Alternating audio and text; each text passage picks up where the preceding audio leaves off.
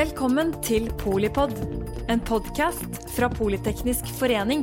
Et kunnskapsbasert medlemsnettverk for bærekraftig teknologi og samfunnsutvikling.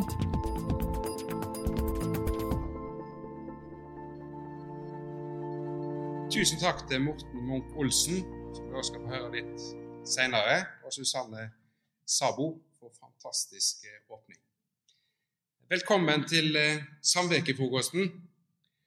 Eh, mitt navn er Øystein Dyngeseth. Jeg er styrelærer i Samvirkene, som er interesseorganisasjonen for samvirkene i Norge. Samvirkelagene, Samvirkene har en 150-årig historie, og vel så det, i Norge. Den eh, er velfungerende og har hatt enormt stor vekst, framvekst i alle disse årene, og faktisk òg fortsatt vital av vekst, og er kanskje mer aktuell enn noen gang. I dag har samvirkene 2,8 millioner medeiere, eller medlemmer. Vi er 94 000 ansatte samla, og vi omsetter for over 250 milliarder norske kroner. Det er en stor samla virksomhet, en stor del av det norske næringslivet. Eh, disse selskapene er små, men noen av de er også store. Disse selskapene topper omdømmemålingene som blir gjort i Norge. Vi kan nevne både Tine, vi kan nevne Gjensidige, Coop, Felleskjøpet. Så iblant de statseide selskapene så topper gjerne samvirkeforetakene omdømmeundersøkelsene i Norge. Det er det ulike årsaker til. Men eh, det som jeg i alle fall vet, er at medlemmene og kundene de forbinder samvirkene med egentlig sterke foretak som de gjerne er involvert i, og som er faktisk veldig motstandsdyktige òg i dårlige tider. Det forbindes med varige virksomheter, med trygge arbeidsplasser og med mye kunnskap og kompetanse. For nordmenn er faktisk eierskap veldig viktig. De er opptatt av at vi har kontroll på egne foretak, og de syns det er viktig, ikke minst for å utvikle norsk næringsliv, norsk kompetanse, men for oss, og bl.a. for Coop, så er de veldig opptatt av det for å utvikle sine lokale samfunn. Samvirke kan ikke kjøpes opp. Det går an å gjøre konstruksjoner, men det kan heller ikke bare løses opp helt uten videre og gå tilbake igjen til, til eierne. Dette er langsiktige selskap som har et langsiktig formål å levere nytte tilbake igjen til medeierne. Blant annet så viser case-studier òg, som ble gjort under, av FNs forskningsinstitutt, at samvirkeforetak, særlig innenfor finansverden, gjorde det bedre enn andre foretak når finanskrisen var et faktum for en del år tilbake. Da økte man òg antall ansatte i den perioden i finanssamvirker. Og Hvorfor skjer nå så det? Jo, det er kanskje òg fordi at disse selskapene er langsiktige. De har en langsiktig kapital, de har mye og er ofte sterkt kapitaliserte. Og de har da evne til å vise omstilling og egentlig tenke langsiktig òg i krisetider. Og Vi står egentlig i en litt krisetid nå, og jeg tror kanskje vi vil kunne se mye av de samme, samme sammenhengene i den fasen som er nå. Er du interessert i samvirke, så oppfordrer jeg òg at dere hører på Pollypodden toppledere møter toppolitikere. Der får du høre topplederne i norske samvirkeforetak møte toppolitikere til gode debatter.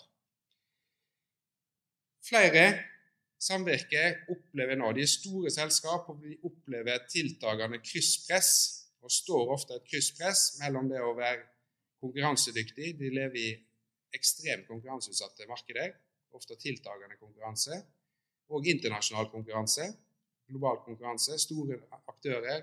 Det er et næringsliv òg i endring ved at det er nye aktører. Det er bransjeglidninger som, som man utsettes for. Eh, man står òg oppe i konkurransesituasjonen i dilemmaet inn mot medeierdemokrati eller samvirkeprinsippene rundt medeierstyring og demokrati. Det er det vi skal, dette dilemmaet her er det vi skal snakke mer om i dag. Så da overlater jeg ordet til eh, Janne Logg, som er daglig leder av Samvirkene. Så tar dere gjennom denne dagen med et fantastisk program. Takk skal du ha, Geir Jostein. Som Geir Jostein sa, så har vi jobbet mye med å løfte en eierskapsdebatt. Og i fjor var påtroppende eh, statsminister Jonas Gahr Støre eh, her, og han snakket om nasjonalt eierskap for kompetansebygging. Og I dag skal han legge fram regjeringserklæringen, så vi gleder oss til å lese. Men i år er tema en stadig tøffere konkurranse øh, gir vanskelige avveininger. For aksjeselskaper så kan kortsiktig avkastning versus langsiktige investeringer være en avveining. Og for samvirker så kan det være krevende å lede demokratisk styrte medlemsbedrifter, særlig veldig store, når kravene til vekst er knallharde. Men på den annen side, samvirkeeide selskaper trenger selvsagt oppslutning hos sine eiere, og medeierne skal bli hørt. Og det er det vi skal snakke om i dag. Vi skal ha tre innledninger. Vi begynner med god eierstyring skaper tillit ved Susanne Munch-Tore og Lisa Holmen, henholdsvis partner og advokat i Arntzen de Beige.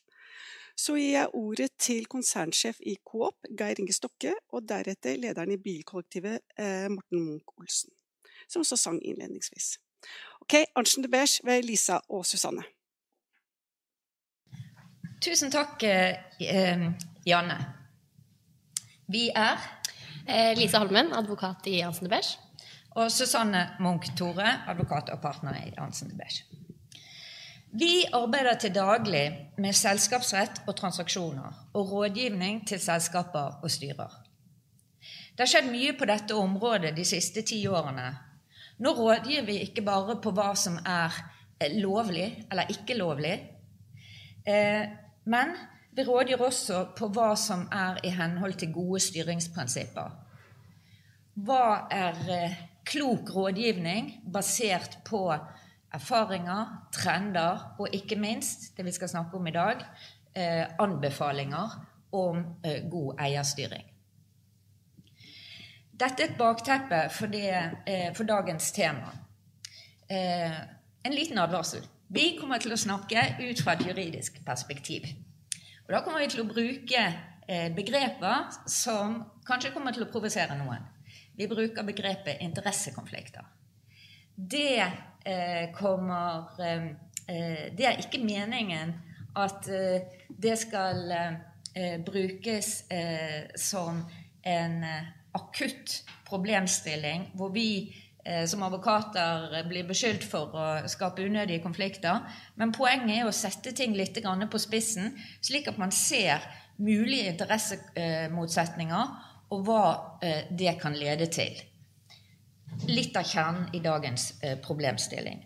Vi kommer også til å bruke en viss sammenligning mot aksjeselskaper, og det er også for oss å sette ting i perspektiv.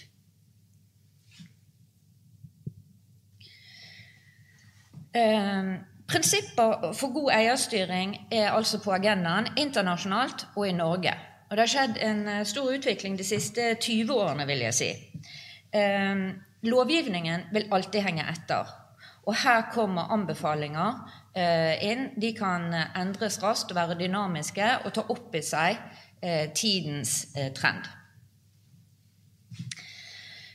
Vi ser over hele linjen at eierne i foretak har et sterkere ønske om å påvirke den virksomhet de er engasjert i. Den såkalte ESG-trenden er også merkbar for tiden. Den startet med G-en, G for governance, altså virksomhetsstyring på norsk. Og så er det gått mer og mer over på et fokus på S, social, menneskerettigheter, arbeidstakerrettigheter, og E, environment, miljø, klima. Dette er trender dere kjenner igjen i, og forkortelsen tar opp i seg en effektiv beskrivelse av det som egentlig ligger i FNs bærekraftsmål. Et virkemiddel for å påvirke god virksomhetsstyring er åpenhet og rapportering, for derigjennom å påvirke adferd. Det skaper forventninger, og med forventninger så blir det et press for adferd i riktig retning. Allmenne prinsipper for god virksomhetsstyring er etablert for en rekke selskaper som grunnlag for tillit. I dag foreligger det i Norge de såkalt NUES-prinsippene for børsnoterte selskaper. Disse er eh, i stor grad eh, anvendbare for andre foretakstyper. Og vi ser at en rekke foretak som ikke er børsnoterte, eh, rapporterer i henhold til det. Men vi ser også, og, og en del samvirker gjør det også, men vi ser også at enkelte eh, lager sine egne prinsipper fordi at eh, disse prinsippene ikke er skreddersydd nok. De er eh, formålsrettet mot eh, eh, selskaper der det skjer omsetning av eh, aksjer. Og vi ser f.eks. at staten har laget sine egne eierstyringsprinsipper. Så det som er problemstillingen litt for oss i dag, det er å se på om det bakteppet av eierstyringsprinsipper som vi allerede har, om de kan være anvendbare for samvirkene, eller om de kanskje trengs noe spissing. Eh, Temaet videre for vår innledning og de spørsmålene som vi skal forsøke å besvare, er om det er behov for særskilte eierstyringsprinsipper for samvirker. Fins det iboende interessekonflikter? Og hvordan kan gode eierstyringsprinsipper bidra til å styrke samvirkeforetakenes verdiskapning? Eh, vi skal starte med å si noe helt kort om samvirket som eierform. Geir Jostein har jo vært eh, litt inne på flere av disse poengene allerede i innledningen. Eh, men samvirkene utgjør en stor del av verdiskapningen i Norge. Eh, de er uensartede og brukerstyrte, eh, og de har spilt sentrale roller innenfor viktige sektorer som jordbruk, eh, næringsmiddelindustrien, varehandel og boligbygging. Vi har òg sett eh, ut fra omdømmeundersøkelse fra 2020 at samvirkene har et godt omdømme, og flere av de som er på topplisten i omdømmestatistikken til Ipsos, er samvirker eller har tidligere vært samvirker, altså har samvirkebakgrunn. Eh, sånn som samvirket er bygd opp, så muliggjør man for langsiktig eierskap og verdiskapning. Dette er noe som gjør at utenlandske oppkjøp blir mer vanskelig, som igjen vil sikre norske og, og lokale arbeidsplasser. Eh, vi ser òg at samvirket er mindre utsatt i nedgangstider fordi de nettopp har et langsiktig eierskap og har kunnet bygge kapital over en lengre tid. Eh, samvirket kan også bidra til å sikre særskilte medlemsinteresser, og da herunder samfunnsmessige interesser, og ikke bare et rent driftsoverskudd eh, og avkastning. Så samvirkene er derfor òg med på å løfte store samfunnsutfordringer, samtidig som man altså kan bygge kapital. Vi mener òg at samvirkene kanskje kommer til å få en slags fornya aktualitet eh, i et ESG-perspektiv hvor samfunnsinteresser kommer til å bli mer og mer viktig. Eh, så basert på dette så ser vi jo at samvirkene er en veldig robust eierform. Samvirkeformen skiller seg eh, fra aksjeselskapene på flere punkter eh, som kan skape utfordringer. I et aksjeselskap vil det bakenforliggende formålet nesten alltid eh, være å kort og godt skape overskudd for foretaket og for eierne. Eh, sameiene utgjør et bredt spekter av foretak med ulike formål, og veldig ofte er de blandet. De kan, eh, de kan ha et formål som er knyttet til eh, å skape overskudd for medlemmene. Um, men uh, ofte så er formålene um, flere og kanskje ikke alltid like tydelig beskrevet. Det kan i tillegg til uh, ulike forventninger om overskudd dreie seg om å styrke medlemsinteressen og gjerne øvrige samfunnsformål. Og der det foreligger flere formål uh, som seg imellom kan være innbyrdes motstridende, ehm, så gir eh, sjelden formålsangivelsene eller vedtektene ehm, eh, eh, en, tydelig angivelse på hvordan disse hensynene skal avveies mot hverandre, eller hvordan de skal realiseres. Der ligger det en liten, liten utfordring. Flat eierstruktur der medlemmenes interesse og stemmerett er lik, med mindre annet er regulert i vedtektene, eh, samt indirekte demokrati, kan også skape utfordringer. Viktige beslutninger må forankres eh, bredt, der medlemmenes stemmerett er knyttet til styrken av samhandlingen, eh, med, samvirket, vil forankring både måtte skje overfor de toneangivende, men man må ikke glemme minoritetene. Sist, men ikke minst, må styret sikre at selskapet er tilstrekkelig kapitalisert. Virkemiddelapparatet er imidlertid mindre fleksibelt enn i et aksjeselskap, der man kan eh, hente inn ekstra kapital, få inn nye eiere eller eh, øke enkelte eieres uh, innflytelse. Uh, og det finnes ikke aksjer som kan overdras. Det gjør at eierformen er stabil, det er en positiv ting, men det kan også sementere en eiersituasjon Eh, og eh, relasjoner, og kanskje også innebygde implisitte interessemotsetninger. Ja.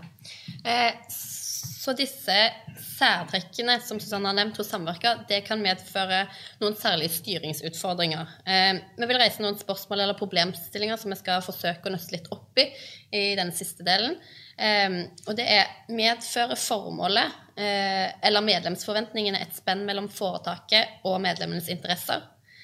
Foreligger det kulturbaserte forventninger, f.eks. For basert på en historisk kontekst, som ikke er adressert i vedtekter eller formelle styringsprinsipper? Og hvordan kan man egentlig løse eh, disse mulige interessekonfliktene? Da går vi over på interessekonflikter.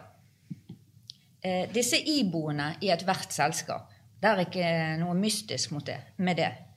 Eh, det vil alltid være en eh, balanse og en avveining i forhold til eh, eierne, eiernes innflytelse, selskapets interesse. Eierne vil kanskje ha mest mulig utbytte. Selskapet vil bygge opp kapital over tid. Eh, eh, styrets og ledelsens interesser, som skal representere selskapet og seg internt. Håndteringen av slike interessekonflikter er litt overordnet løst i lovgivningen, men eh, ikke fullt ut. Foretaket selv. Selskapsinteressen eh, sikres ved å skape overskudd, vekst, konkurransekraft eh, og verdiskapning i samsvar med den strategi eh, som er lagt, og selvfølgelig selskapets formål. Medlemsinteressen kan knytte seg til andre krav eller forventninger. I tillegg til overskudd så kan det være et gode som skal leveres av foretaket. Og her kan det bli litt komplekst. Det kan være knyttet til en tilgang som sådan, eller til kjøps- eller avsetningspris i samhandling med foretaket. Og der ser vi en situasjon hvor, medlemmene også er kontraktsparter. Det kan være en tilleggsdimensjon som kan skape eh, en egen dynamikk. Men formålet kan også bære, innebære en forventning om at foretaket skal bidra til et allment eh, eh, godt formål, eh, gjerne lokalt eller i noen grad knyttet opp mot medlemsinteressen. Her kan det altså oppstå en slags konkurranse mellom foretakets og medlemmenes interesser når det gjelder hvordan kapitalen forvaltes, eh, og strategi. Utgangspunktet er kapitalen tilhører foretaket og skal brukes i tråd med formålet. Avveiningen i tråd med ulike formål vil likevel eh, kunne skje på et bakteppe av direkte eller implisitte interessemotsetninger. Andre interessenter kan være eh, ansatte, Eh, viktig interesse, selvsagt. Eh, avtaleparter, kreditorer, det offentlige. Og generelle samfunnsinteresser eh, knyttet til bærekraft, eh, som jo nå er en viktig trend. Det kan også være iboende interessekonflikter på, eh, eh, på nivå for de styrende organer. styre og administrasjon, ledelse. Begge har som hovedoppgave å ivareta eh, selskapsinteressen, det er faktisk deres viktigste rolle. I styrerommet er det foretaksinteressen som gjelder. Den skal ligge til grunn for beslutningene. Men likevel så kan det oppstå interessemotsetninger. Det kan være en interesse mellom styret eller styremedlemmene eh, og foretaksinteressen. Eh, styremedlemmet kan f.eks. ha tilleggsinteresser som representant for en gruppe som har valgt det styremedlemmet, representant for en medlemsgruppe. Det kan ha egne interesser i eh, egenskap av å representere en konkret, et konkret medlem. Det kan også ha en egeninteresse, helt egoistisk, eh, ut fra det å være eh, en representant for selskapet og de eh, goder som det kan medføre. Gå på en fin konferanse osv. Um, det kan også um, være interessekonflikter knyttet til avlønning og honorarer. Og Derfor er det jo også krav i aksjeloven om at en viss type informasjon om dette skal oppgis. Men i NUES-anbefalingen eksempel, så trekker man det et hakk videre for å gi ytterligere informasjon og for å belyse også kanskje ikke bare direkte honorarer, men indirekte avlønning. Så kan det oppstå interessekonflikter mellom styret og administrasjonen. Det kan dreie seg om styringsprinsippene. I hvilken grad, Hvor stor frihet skal administrasjonen ha? Når skal styret komme inn og uh, gi overordnede fatte overordnede beslutninger. Og hvilken dynamikk er mellom styret og administrasjonen. Og det er jo selvfølgelig viktig at det er en god tillit der, men, men det kan skape en, i hvert fall en dynamikk. Um, så kan det også selvfølgelig dreie seg om konkrete avtaleforhold mellom enkeltmennesker i ledelsen, eller lederlønnsprinsipper, og, og foretaket og, og, og styret. da. Så kan det være eh, interessemotsetninger mellom styre og administrasjon på den ene side i egenskap av å forvalte foretaksinteressen og medlemsinteressen. Det var vi inne på i sted. Hvordan forvaltes kapitalen, strategi osv. Så, videre. Så spørsmålet da er Spørsmålet vårt til dere er eh, hvordan løses slike interessekonflikter i dag? Er det tilstrekkelig åpenhet og tydelighet med hensyn til de problemstillingene? Er det tilstrekkelig tydelighet med hensyn til hvordan de løses? um, hvis vi skal si noe helt kort, så mener vi at gode eierstyringsprinsipper i samvirker vil være prinsipper som omfatter eh, generelle retningslinjer knytta til mulige interessekonflikter i styre- og medlemsmøter og i valg- og beslutningsprosesser. Eh, det bør være anbefalinger som tydeliggjør foretakets formål og hvordan dette skal ivaretas i selskapets strategi, og her er nå òg innenfor ESG-områdene. Eh, at det er en åpenhet rundt hvordan styre arbeidet, og at strategi eh, og målsetninger blir åpne da, gjennom f.eks. en årlig rapportering og at man har en tilstrekkelig åpenhet rundt konkrete interessekonflikter samt med avlønning og honorarer. Eh, gode prinsipper trenger ikke være bindende. Man kan f.eks. følge et følg og forklar-prinsipp. Eh, så hvis vi ser for oss at man har et prinsipp om rapportering av f.eks. bærekraftstrategi, så vil de samvirkene som ikke Eh, vil rapportere på det, eller ikke har en slik strategi, de kan da forklare hvorfor de ikke gjør det i årsrapporten. Eh, på den måten så vil prinsippene skape forventninger hos medlemmene, eh, samtidig som det ikke er lovpålagt, og at gir samvirken en viss fleksibilitet. Så da er det på en måte det overordnede spørsmålet hvordan kan eierstyringsprinsipper bidra til styrking av samvirkene? Ja, altså Vår tese er at tydelige prinsipper og god rapportering vil bidra til å skape tillit. Og dermed kanskje dempe unødige interessekonflikter. Takk for oss. Tusen takk til Susanne og Lisa. Og da skal vi få vite eh, litt mer om hvordan samvirkets største medlem, nemlig Coop, jobber med dette dilemmaet i dag. Så velkommen til konsernsjef i Coop, Geir Inge Stokke. Stokke er navnet mitt. Jeg skal si litt om eh, Coop og hvordan de er organisert. Og Coop er jo eid av 1,9 millioner medlemmer. Eh, og de 1,9 millioner medlemmer de eier da 63 samvirkelag.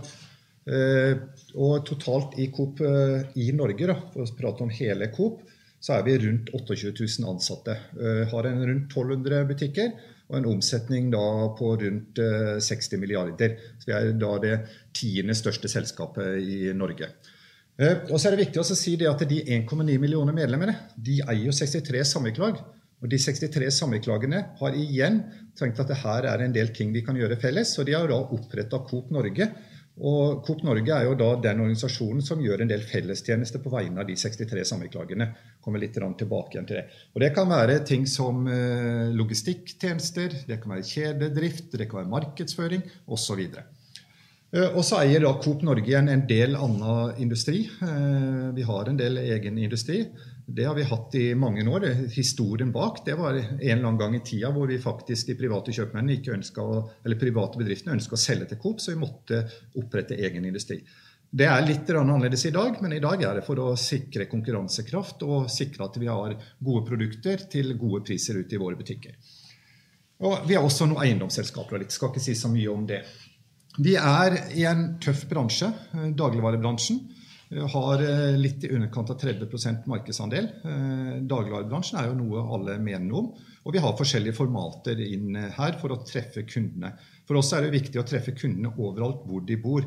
Sånn at Vi har store butikker som har faghandel og dagligvare, sånn som Ops, men vi har også da nærbutikker som Coop Marked, Prix og eh, Matkroken, som er der folk bor da i nabolaget. Vi er også den største aktøren i byggbransjen som selger øh, veldig mye produkter til private forbrukere. Vi selger ikke til byggeplasser eller øh, den type ting, men til private øh, forbrukere så selger vi. Og vi er da garantert den billigste aktøren på det markedet der. Si litt videre om de forrige innlegg, som jeg syns var veldig spennende. Vi lever midt oppi dette som en del av vår verden, og dette er gullet vårt. Og det er klart at vi skal tjene penger. Men vi skal gjøre det for medlemmene våre. Og da er vi også eh, avhengig av å, å gjøre det i de forskjellige ledd i organisasjonen. Kommer også litt tilbake til det. Eh, så det er Midt inne dette spenningsnivået er det, og, og det er flere parametere vi skal jobbe med. og Derfor tenkte jeg skulle bevege oss litt inn i strategiprosessen, hvordan vi har jobba i forhold til eh, den. da. Og da ligger jo de prinsippene, Samvirkeprinsippene ligger med oss, og de har vi med oss hele tida. Og, og, tanken er eh, helt lik i dag som det det var den gangen når Coop ble etablert her. Og bare for å ta veldig kort det, eh, Coop ble jo etablert av eh, en hel haug med arbeidere som jobba på noen veverier. Og når de da sloss for å få høyere lønninger, så ble prisene i butikken, som også bedriftseierne drev, ble også skrudd opp. Og så til slutt så ble de lei av å bli lurt, enten det var for prisene var høye eller faktisk produktene ble blanda ut. At de fant ut her må vi drive vårt egen butikk. Og så etablerte de da et samvirkebutikk, og så delte de overskuddet der etter hvor mye de handla. Og samme prinsippet er det i dag også. Eh, og så er vi jo da en toledda organisasjon, eh, sånn sett. For det er jo da, som jeg sa, de 1,9 millioner medlemmene eier jo samvirkene. Og, og, der er det jo da valgkomité og årsmøte og styre på en helt normal eh, måte. Styrene består av eh, medlemsvalgte i eh, alle, eller alle styremedlemmene er det, i tillegg til ansattrepresentantene. Og så har jo da I tillegg så har jo da de samvirkene, 63 samvirkene de har jo oppretta Coop Norge. Hvor de da stiller med inn i årsmøtet der og velger da det styret som da skal drifte Coop Norge på vegne av de 63 samvirkene. Og så litt tilbake til hva er misjonen til Coop? Hvorfor er Coop til? Og det er for å skape medlemsnytte. Altså Enten det er samvirkende eller Coop i Norge, så skal vi skape nytte for våre medlemmer. Og det er utrolig viktig for oss. Og Derfor så har vi jo da også eh, en visjon for at det skal lønne seg å velge Coop. Og det skal lønne seg å velge Coop for medlemmene, selvfølgelig, men det skal lønne seg for de ansatte, det skal lønne seg for samfunnet, og det skal lønne seg for våre samarbeidspartnere. Og dette er noe vi virkelig jobber med i hele organisasjonen. Eh, og når du da er medlemseid, og det er kundene våre som eier oss, så er det klart at det for oss er utrolig viktig å levere gode tjenester til våre kunder. Så derfor jobber vi også da med kundeløfter, sånn vi vil at eh, butikk, kundene skal oppleve oss. Og det å levere medlemsnytte, det er jo mange ting. Det er jo da å levere gode butikker der folk bor, og tilgjengelighet på dem. Det er godt sortiment, og det er selvfølgelig gode priser. Og det er da eh, en del av overskuddet, altså kjøpeutbyttet også. Men det kan også være andre områder. Vi er jo en av de største forbrukereide organisasjonene. Så, så den eh, medlemskraften kan også brukes til andre områder som ikke kanskje bruker så kraftig i dag. Da. Eh, vi har noen klare målsettinger. Vi skal eh, bli større på dagligvare. Vi har en målsetting om 30% markedsandel. Vi har også ambisjoner om å vokse på byggområdet. Og Det er klart det er viktig for oss å ha de mest fornøyde og lojale kundene hele veien. Og så skal vi da ha Norges beste omdømme. Det er målsettinga vår. Det er tøft. Vi har mange tøffe konkurrenter, ikke minst fra andre samvirkeforetak eh, her. Så I fjor var det Tine, så får vi se hvordan det går i år. Og så er det jo da å ha Norges beste eierkonsept her. Eh, det er også viktig for oss. og det er klart at det, I forhold til omdømme, klima, bærekraft osv. Våre medlemmer, og når det er medlemseid, da er det også større forventninger til organisasjonen på det vi skal og må levere på. Eh, de felles områdene vi jobber mye med, og jeg tenkte å si litt om kanskje det unike medeieruniverset. For vi sier at det at vi er medlemseid, det er gullet vårt. Og hvis en tar dagligvarebransjen, så er konkurrentene våre de er familieeid. Sånn at eh, når noen sier at eh, dagligvarebransjen er drevet av tre eiere, så sier jeg at nei, det er ikke riktig. Det er 1 902 eiere. For Coop er eid av 1,9 millioner. Og, og, det er viktig for oss å vite at du, eh, her, her, kan du handle i din egen butikk, og, den, og du eier det som, uh, som, du er inni. Og det er ganske forskjellig i forhold til våre konkurrenter. Da. Og så har vi da laga et strategihus som setter dette her sammen, sånn at uh, hele organisasjonen skal være bevisst på det at vi er annerledeskjeden, som har fokus på våre eiere, som er våre kunder. Og, og, dette har vi med oss hele veien. Og så har vi jo da også, for å si litt om strategiprosessen Når vi har jobba med strategier, så har vi jo da hele tida tenkt på hva er det som skjer i framtiden? Hvordan ser framtiden ut? Eh, og, og, da drar en det ut kanskje i litt i det ekstreme. Eh, og dette er noen av de boksene vi har eh, jobba med. Eh, det er jo det ene No Planet B. Det er liksom et ordentlig sånn bærekraftig alternativ. Og det kan jo dra så langt at det, eh, faktisk selskapene får skatt i forhold til hvor bærekraftige de er. Og det kan jo dra det så langt også at eh, kundene og vanlige forbrukere i Norge får skatt i forhold til hvor bærekraftige de er. Og, det, og, Da kan det jo tenke seg at vi skal ha tjenester som sier noe at når du har handla, at det her kommer opp uh, hvor bærekraftig du er, eller du kan gjøre de og de tilpasningene i forhold til å bli mer bærekraftig. Og så har vi da en sånn digitalisering. det kan vi si at uh, Digitalisering er med i alt det vi jobber med. Det, vi ser at digitaliseringa kommer, kommer fortere og fortere. Men du kan også tenke en sånn ekstrem digitalisering som sier at uh, den dagen vi alle sammen bruker eh, enten det er Google eh, eller Alexa eller en Siri eller et eller annet taletjeneste, og bruker den for å legge inn våre handlelister og sier at en legg melk til, eh, til handlelista, legg syltetøy til handlelista, og alle blir vant til det, og alle bruker det hele veien, og alle plutselig bruker kanskje den samme tjenesten, da kan du faktisk tenke deg at det faktisk, om det da er Amazon da, som et eksempel, snur seg rundt og tenker nei, nå handler nesten alle hos oss. Vi snur oss rundt, og så eh, hopper vi over alle de tre aktørene som er i dagligvarebransjen, og så er markedet helt annerledes, og ingen tenker på egentlig hvor varene kommer fra. Eh, og, så har vi den siste, resesjon. Det er egentlig den eh, tingen som er nærmest der vi er i dag, på en måte. Eh, og hvorfor sier jeg det? Jo, eh, for vi hadde ikke noe pandemi inni dette her. Men faktisk eh, knapphet på varer, problemer å få tak i varer, det kjenner vi på i dag. Og, og det er på flere og flere områder eh, hvor det er faktisk store utfordringer med å få tak i varer. Det kan være aluminium, eh, aluminiumsbokser til brus eh, her, aluminiumsfolier, det kan være brødposer, som har sett om, det kan være pumpeholdere til eh, såpedispensere. Det kan være sykler, det kan være hagemøbler osv. Og dette er en stor utfordring for oss faktisk å få tak i varer rundt omkring når vi handler i verden. Eh, og vi har da ikke den samme gode servicen og servicegraden som vi ønsker i våre butikker. Så merker vi. Og så har vi denne her, her bruker vi som kall det litt sånn eh, skremselspropaganda internt. Dette er da sabeltanntiger, det kraftigste og råeste dyret som var på planeten. Og hvor er den i dag? Den er borte. En av dem var kraftigst og råest og sterkest. Men det er jo kanskje fordi den ikke var smartest og var den raskeste til å snu seg. Så det er jo vårt bilde når vi jobber i dagligvarebransjen. Så må vi passe på at vi ikke er sabeltanntigeren, og så må vi finne ut hvordan vi eh, tar rotta på den. Og det er klart at Krisen har også gitt oss uh, muligheter. Uh, vi er jo på en unik gren sånn businessmessig. Dagligvare har gått som ei kule, og bygg har gått som ei kule. Og så har vi lært mye på hvordan vi skal håndtere nye situasjoner osv. Men vi syns jo veldig medfølelse for andre bransjer som har hatt det ekstremt tøft. Da, reiselivsbransjen som et eksempel. Men, men det er ikke den problemstillinga vi har hatt i forhold til det vi har.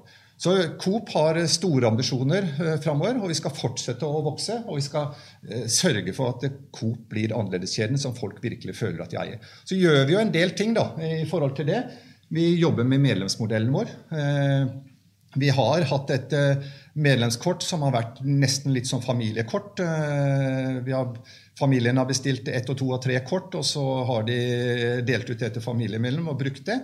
Men i forhold til å kunne kommunisere én til én med kunden, vite hva kunden ønsker, og i forhold til GDPR og lovgivninga, så er vi helt avhengig av å snu modellen, sånn at hver og en har sitt kort og eier sine data på en god og riktig måte. Eh, vi har også Coop-valget. Vi er eh, medlemsvalgt. Vi ønsker at våre medlemmer og medeiere skal engasjere seg. Og kjørt eh, kampanjer på det for å få mange nye tillitsvalgte som vi ønsker inn i våre styrende organer. Eh, og jeg tror vi hadde i år to, over 2600 stykker jeg, som eh, meldte seg og sa at vi har lyst til å være medlemsvalgt i Coop. Og så må jo valgkomiteen gjøre et eh, valg der, og så blir det jo valg i årsmøtene. Og så får vi nye, gode kandidater inn til oss. Og Dette er en fin måte når vi nå har samla at alle samvirkelagene gjennomfører valget i sine samvirkelag på en lik linje, så kan de også markedsføre på en annen måte enn de har gjort før. Andre ting som vi jobber med, det er jo å gjøre enkelt for kunden. Coop Pay, verdens enkleste måte å betale på. Når du bruker Coop-appen, da, så kan du bare skanne en eh, QR-kode, og så er det bare å titte inn i telefonen, og så har du betalt varen. Eh, fantastisk god løsning. og Se hvor mange som bruker den. Den har vokst i 90 uker på rad. har den vokst eh, hele veien, den løsningen. Og så har vi en stor konferanse en gang i året. Det vil si at nå hadde vi ikke i fjor pga. covid. Men i år så har vi tenkt å gjennomføre det igjen for å bygge stolthet og for å utfordre oss på å tenke framover hele veien. Eh, vi har også et medlemspanel hvor eh, våre medlemmer kan eh, melde seg inn. Og vi kjører analyser, eller kjører spørreundersøkelser i. Og det kan vi også da se i forhold til hva folk har handla, og så får vi gode tall, sånn at vi kan levere enda bedre medlemsnytte til våre eiere med i forhold til hvilke produkter de skal ønske butikkene, hvordan ting og tang skal bygges opp da, på en god måte. Og så har vi litt sånn eh, Si ditt. Det er en sånn eh, liten sånn minispørreundersøkelse som vi kjører i appen av og til. Og det kan være alt fra hvordan eh, logo vi skal ha på noen produkter, hva noen produkter skal hete. Safta vår eh, fri. Eh, det er jo et resultat av eh, spørreundersøkelse. Og også sist du ser på Team Coop-syklistene, så har drakta der er da bestemt gjennom si ditt uh, her. Og så er det jo da viktig for oss å ha utrolig tett dialog med våre eh, medlemmer og eiere. Og jeg vil påstå at vi har Norges beste eh, kundesenter. Enormt flinke gjeng, og de svarer på enormt mye rare spørsmål. Og også spørsmål rundt medlemskap og hvordan vi eier, og hvordan vi kan påvirke, og hvordan vi kan mene ting rundt dette her. Og Det som er viktig for oss framover, det er jo å bygge denne tette relasjonen inn mot eh, medeierne våre. Virkelig føle at de eier Coop. Virkelig føle at dette er min butikk. Jeg er med og påvirker. Jeg kan være med og bestemme. Og, og, og skape mange nye kundefordeler. Og da skal vi få høre hvordan Bilkollektivet eh, jobber med medlemsdemokrati og vekst. Eh, Bilkollektivet er selvsagt også medlem i samvirkene, så da gir jeg ordet til daglig leder Morten Munch-Olsen. Takk for det. Navnet er altså Morten Munch-Olsen, og jeg har vært eh, daglig leder i Bilkollektivet siden 2018, i eh, tre og et halvt år nå. Før det så var jeg i ledergruppa i et stort amerikansk konsern. Det var litt sånn som å gå fra amerikansk blodkapitalisme til norsk miljøidealisme. Og jeg har også en del år før det som konsulent i mange forskjellige virksomheter. Aldri vært i samvirke før jeg ble ansatt i Bilkollektivet. Og nå har dere jo allerede sett litt Eh, hva vi gjør med den musikkvideoen som var eh, innledningsvis, og med de ansatte i bilkollektivet. Vi kaller oss Bandkollektivet. Har også en del andre videoer for de som vil se på det. Eh, det var ikke andre som var så egna for temaet her, sånn, men, men, det kan være verdt å, å, sjekke ut. Det vi skal se på nå, det er jo hvordan vi som et relativt lite medlemssamvirke likevel får utfordringer knytta til det med vekst og det å ivareta et medlemsdemokrati og medlemmer som, som, kjenner seg igjen i det. Så da vil jeg først uh, gå til formålet vårt. Uh, og formålet vårt det er å tilby smart, miljøvennlig og non-profit deling av kjøretøy som fullt ut erstatter medlemmenes behov for privatbil. Og skal, Gjennom det skal vi bidra til et grønnere by og et bedre miljø med færre biler og mindre unødvendig kjøring. Eh, og det er et veldig viktig formål eh, for oss av to grunner. som jeg vil trekke frem Det Det ene er at eh, som man ser av første delen av formålet, så er verdiskapningen vår det er knytta til den nytten som medlemmet eller eieren har av produktet eller tjenesten i seg selv. Og det gjør jo noe med, med hvordan selskapet drives, og hvordan vi som jobber der, styrer selskapet. Eh, og som også Arntzen de Besche var, eh, var, inne på, så er det kanskje et av de største forskjellene fra et AS. For i hvert fall Min erfaring er at selv om AS også driver selvfølgelig verdiskapning i form av gode produkter og tjenester, så kommer det alltid et eller annet tidspunkt en skvis mellom behovet for profitt og behovet til kundene og til tjenesten. Spesielt hvis det er kortsiktig profittkrav eh, involvert i tillegg. Og Det er jo kanskje det jeg opplever som den største styrken ved et samvirke, og som også gjør det veldig gøy å, å, å jobbe med, fordi man genuint eh, forsøker å levere et best mulig produkt uten noen baktanker eller noe, noe, annet. I tillegg så er det den andre delen, eh, og det er at vi skal ha en effekt for byen og miljøet. Og Det sier jo noe om at vi må ha størrelse. At Hvis vi er eh, ti medlemmer og deler én bil, så sier det seg selv at det betyr jo ingenting for samfunnet i det hele tatt. Eh, nå er vi 16 000 medlemmer, og vi har 700 biler. Det gir en effekt, men den er fortsatt for liten. Eh, så i mitt hode så er det først når vi er oppe i 100 000 medlemmer at vi virkelig kan si at dette betyr noe for miljøet, dette betyr noe for byen, og dette er viktig for samfunnet at vi, vi driver med det vi driver.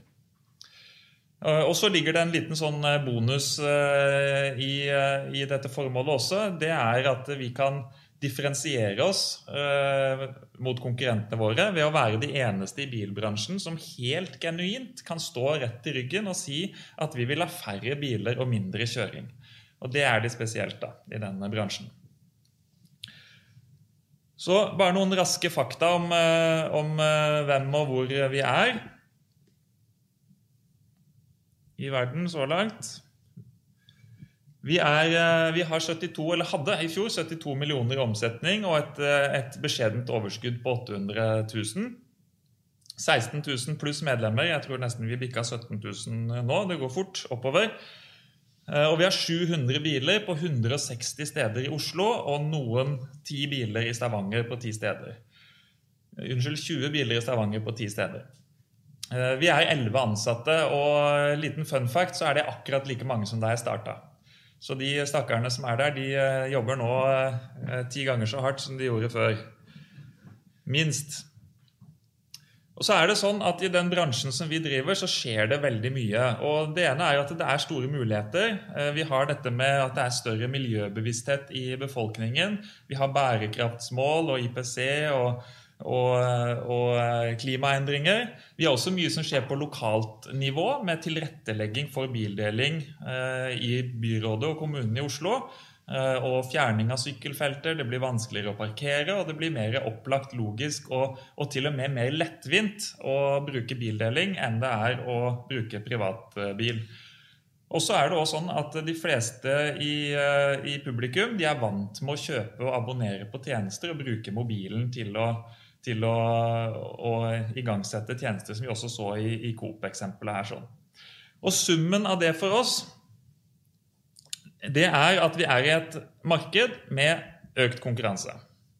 Før så var det privatbilen som var vår fiende, og det var vår eneste konkurrent. Nå er det i tillegg mange aktører, og det er mange forskjellige modeller. Man har peer-to-peer, -peer, hvor du kan leie ut din egen privatbil. Du har Fri Flyt, som NSB eller Vy driver med, eh, hvor du kan hente og plukke opp og levere bilen hvor som helst. Du har stasjonsbasert, som vi driver med. Du har leiebil, du har bilabonnement, og du har leasing. Og det er mange, mange alternativer til å eie en bil. Det som er felles for alle andre konkurrenter, er at det er kommersielle aktører som kjøper seg inn i markedet nå eh, ved å dytte ut masse biler, og de har rike onkler, og de går med store tap. Og Formålet det er jo å få flere biler ut på veien og finne andre og nye salgskanaler for biler i et marked hvor det synker. Så Sånn sett så skiller vi eh, oss på det. Men de gjør også en annen ting, det er at de utfordrer oss på teknologi, brukeropplevelse og tilgjengelighet når de kommer inn med disse kreftene som de har, og som vi kanskje ikke har så mye krefter bak. Og så er det andre ting som skjer også. Vi har fått eh, disse. Det er vel ikke like mange nå som på dette bildet. Men det, for, det, det at sparkesyklene kom, eh, elsparkesyklene, det endret, eh, i hvert fall for vår del, hvordan brukerne forventet at tjenesten skulle funke. For disse kom i full fart og var utrolig enkle og sømløse og flotte og, og gode å bruke. Og det var jo det man forventa av bilkollektivet også. Så for oss så har det blitt en, eh, en, voldsom endringstakt i de tre årene jeg har drevet. Eh, da jeg startet, så var det fremdeles sånn i 2018 at man måtte fylle ut med penn og papir i bilen hvor langt man hadde kjørt, og hvilket medlemsnummer man hadde. Eh, så fikk vi heldigitalisert det i 2019. Eh, du måtte fremdeles åpne bilen med et kort, et smartkort. Men alt bestilling var på web, i hvert fall. I 2020 så lagde vi vår første app som var knytta inn mot dette systemet. Og i 2021 så er vi nå først i år, i februar i år, så var alt i appen hvor du kunne åpne og lukke bilen, booke, du kan styre medlemssiden din, Eh, absolutt alle funksjoner. Det er betaling med, med hjelp av kredittkort, og det er innmelding ved bank-ID. Så da er vi heldigitaliserte og har en god flyt eh, rundt det. Men det har vært en, en ganske brutal reise, fordi at vi lå litt etter. Og nå ligger vi helt oppe, oppe i tet. Og det går jo ikke helt uh, smertefritt. I tillegg så har vi endra på image og bilpark. Eh, fra å være en sånn tjeneste for de som går innerst i helsekosten og, og, kanskje ikke skryter så veldig av det heller, så er vi nå en, en tjeneste for mange. Eh, og du skal være stolt av å kjøre bilkollektivet. Det skal ikke være sånn at det er et stempel på at du er en særing eller en raring eller har dårlig økonomi eller hva det er. Så fra å ha litt sånn gamle, utslitte biler eh, av laveste standard, så er det nå Tesla modell 3. Det er Toyotas av nest, nest høyeste utstyrsleveranse. Eh, og det er Jaguar iPace, og det er, det er hele rangen av gode, brukervennlige biler som er miljøvennlige og trygge. Og det er viktig. Men den endringstakten, det er jo gøy, og de fleste opplever at det er positivt, men ikke alle. Det er ikke bare uproblematisk. Så vi bare ser på tallene et lite øyeblikk. Eh, kurvene her starter omtrent da jeg starta for tre år siden. Da var det omtrent 100 medlemmer inn hver måned, og så var det omtrent 100 medlemmer ut også. Og da blir jo vekstkurven litt eh, flat. Den eh, raten på hvor mange som melder seg ut, den er ganske stabil. Det ligger fortsatt rundt 100. Mens eh, inn så er vi oppe i 600 på en god måned nå, og det øker bare. Så dermed så stiger jo medlemstallet veldig, veldig fort. Og hva skjer da? Da har vi kraftig vekst, og vi prøver å ivareta medlemsdemokrati. Og vi eh, får jo en del eh, Vi får noe henvendelser. At det er da gamle medlemmer som ikke kjenner seg igjen i det kollektivet som de har vært medlem i og identifiserer seg med. De synes det er blitt en kommersiell tjeneste de føler seg litt fremmedgjort, og de føler at de ikke har medvirkning. At det skjer masse endringer som de ikke er med på å påvirke. Eh, og det er en del som ikke liker apper og, og automatiske tjenester. Og, og, Man kan jo fnise og le litt av det, men jeg skjønner jo at den gangen du kunne ringe inn til kontoret, Hege tok telefonen og hun fant en bil til deg, det var veldig greit. Og Sto du fast et sted, så ringte du igjen, og så var det Arne som svarte, og han kom gjerne ut og hjalp deg. Det er klart at det er jo ganske luksus, men eh, det blir vanskelig å gjøre i stor skala hvis ikke man har en vanvittig betalingsvillighet for det. Og det, det har man jo ikke. Men så er spørsmålet er de eh, som, eh, som, mener dette, er de representative? Og, og, i så fall, hvem er det de representerer? Er de viktige? Er det medlemsmassen de representerer? Er det de som skal bli medlemmer? Som jeg var inne på, så krever jo vårt formål at vi må ha mye større vekst og mye større volum enn det vi har.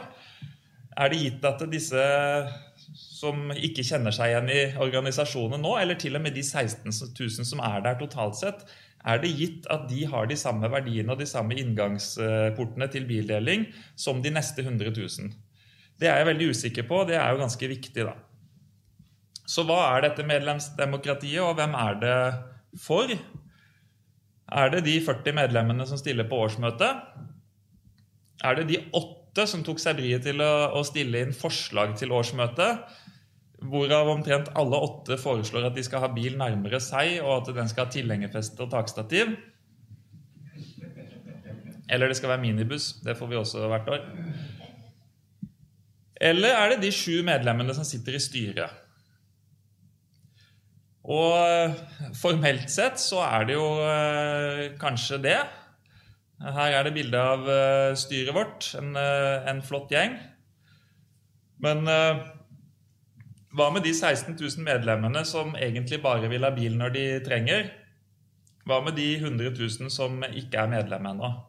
Kan styret representere de? Og det var jo også Arntzen inne på tidligere, at styret skal jo egentlig ikke representere brukerne Det er ikke satt sammen på en måte som gjør at de representerer de ulike segmentene. De representerer selskapet, og de bringer sin kompetanse inn for å styre selskapet på best mulig, på best mulig måte. Så da er det jo litt sånn vanskelig å skjønne hva det egentlig skal være for noe, da. Og hvordan det er hos oss, det er at vi har årsmøte som, eh, som er for alle medlemmer, og som vedtar dette formålet som er viktig for oss. De velger også styret. Og så har vi styret som beslutter strategien for å oppnå formålet, og føre kontroll med det vi i administrasjonen driver med, at det er på riktig kurs. Og så er det da til slutt oss i administrasjonen som utfører den strategien og holder orden på den daglige driften. Og da er det jo styret som har mest makt. Men eh, styret er jo ikke valgt i en åpen demokratisk prosess. De er valgt i en veldig grundig prosess. Men det er ikke sånn at det er eh, x antall medlemmer som stiller til valg og reklamerer for 'jeg vil ta bilkollektiv i den retningen', 'jeg vil ta det i den retningen'. Det er en valgkomité som intervjuer og velger ut eh, medlemmer til styret. Og neste spørsmål er, som vi allerede har sagt, hvem er det de egentlig representerer? Og det kan det bli litt interessekonflikt rundt. Noen ganger så representerer de seg selv og sin egen lommebok. Det er veldig fort gjort fordi at man er bruker selv. Andre ganger så representerer de en, en, gruppe, og tredje gangen så representerer de hele selskapet. Og Nå er vårt eh, styre veldig godt, men dette er en reell, en reell problemstilling som man vil kjenne seg igjen i når man sitter i et sånt styre, tror jeg. Så har vi andre former for medvirkning. Eh, og Det er jo alt fra strukturerte og representative brukerundersøkelser, for ikke å si markedsundersøkelser, i og med at vi har nevnt disse 100 000 som ikke er medlem ennå, men skal bli det ganske fort. Vi har alle disse reviewene vi får hele tiden, i AppStore, i Google Play, eh, på Google, på Facebook, alt sånne ting. Og vi har tilbakemeldinger hver gang du avslutter en tur, om hvordan den turen opplevdes. Dette er jo ting som vi styrer etter i det daglige. Og så har man eh, mer kvalitative ting, eller ustrukturert, fokusgrupper, intervjuer, og vi har en god del eh, selvfølgelig ustrukturert feedback fra medlemmer som roper ut om det ene og det andre. Så det blir litt sånn. Vi har formålet som årsmøtet tar, strategien er styret. Men i det daglige så er det jo først og fremst brukeropplevelsene innenfor den strategien vi har, som vi navigerer etter. Og da er spørsmålet er det godt nok. Var det godt nok før? Er det godt nok nå? Er det godt nok når vi vokser enda mer? Og det har jeg egentlig ikke noe svar på. Vi har tatt sikte på at eh, det skal vi finne ut i den neste strategiperioden vår. Og det er jo litt artig at eh, Coop og mange andre som, eh, som, som baler med akkurat det samme problemstillingen. Hvordan skal man sikre dette, dette medlemsdemokratiet? Det som jeg tror er viktig, det er at vi beholder den identiteten vi har, og de verdiene som non-profit og ekte miljøengasjert tjeneste. Eh, at ikke det bare er staffasje og noe vi pynter oss med, men det er faktisk det vi driver med. Og at vi da fortsetter å jobbe tett på verdiskapningen for medlemmene, men også profesjonelt og økonomisk bærekraftig. Og det er jo da den balansekunsten som man som eh, administrasjon og daglig leder eh, står i. Og så skal vi bruke mange virkemidler for å få det til å gå opp, og for å få den rette kursen eh, fremover. Så takk for det. Tusen takk skal du ha. Eh, nå har vi fått belyst viktige dilemmaer i samvirkebedriftene. og det er klart Samvirkebedriftene har jo 2,8 millioner medlemmer og er en viktig garantist for den norske modellen. Så dette her var veldig spennende. Og vi sier takk for at du hørte på. Hør gjerne på Polypod hvis du vil lure på hva toppolitikerne og topplederne i samvirkene mener om eierskap. Takk for i dag. Takk for at du lyttet til Polipod fra Politeknisk forening. Få med deg flere episoder, eller bli med på nettverksmøtene som du finner på at polyteknisk.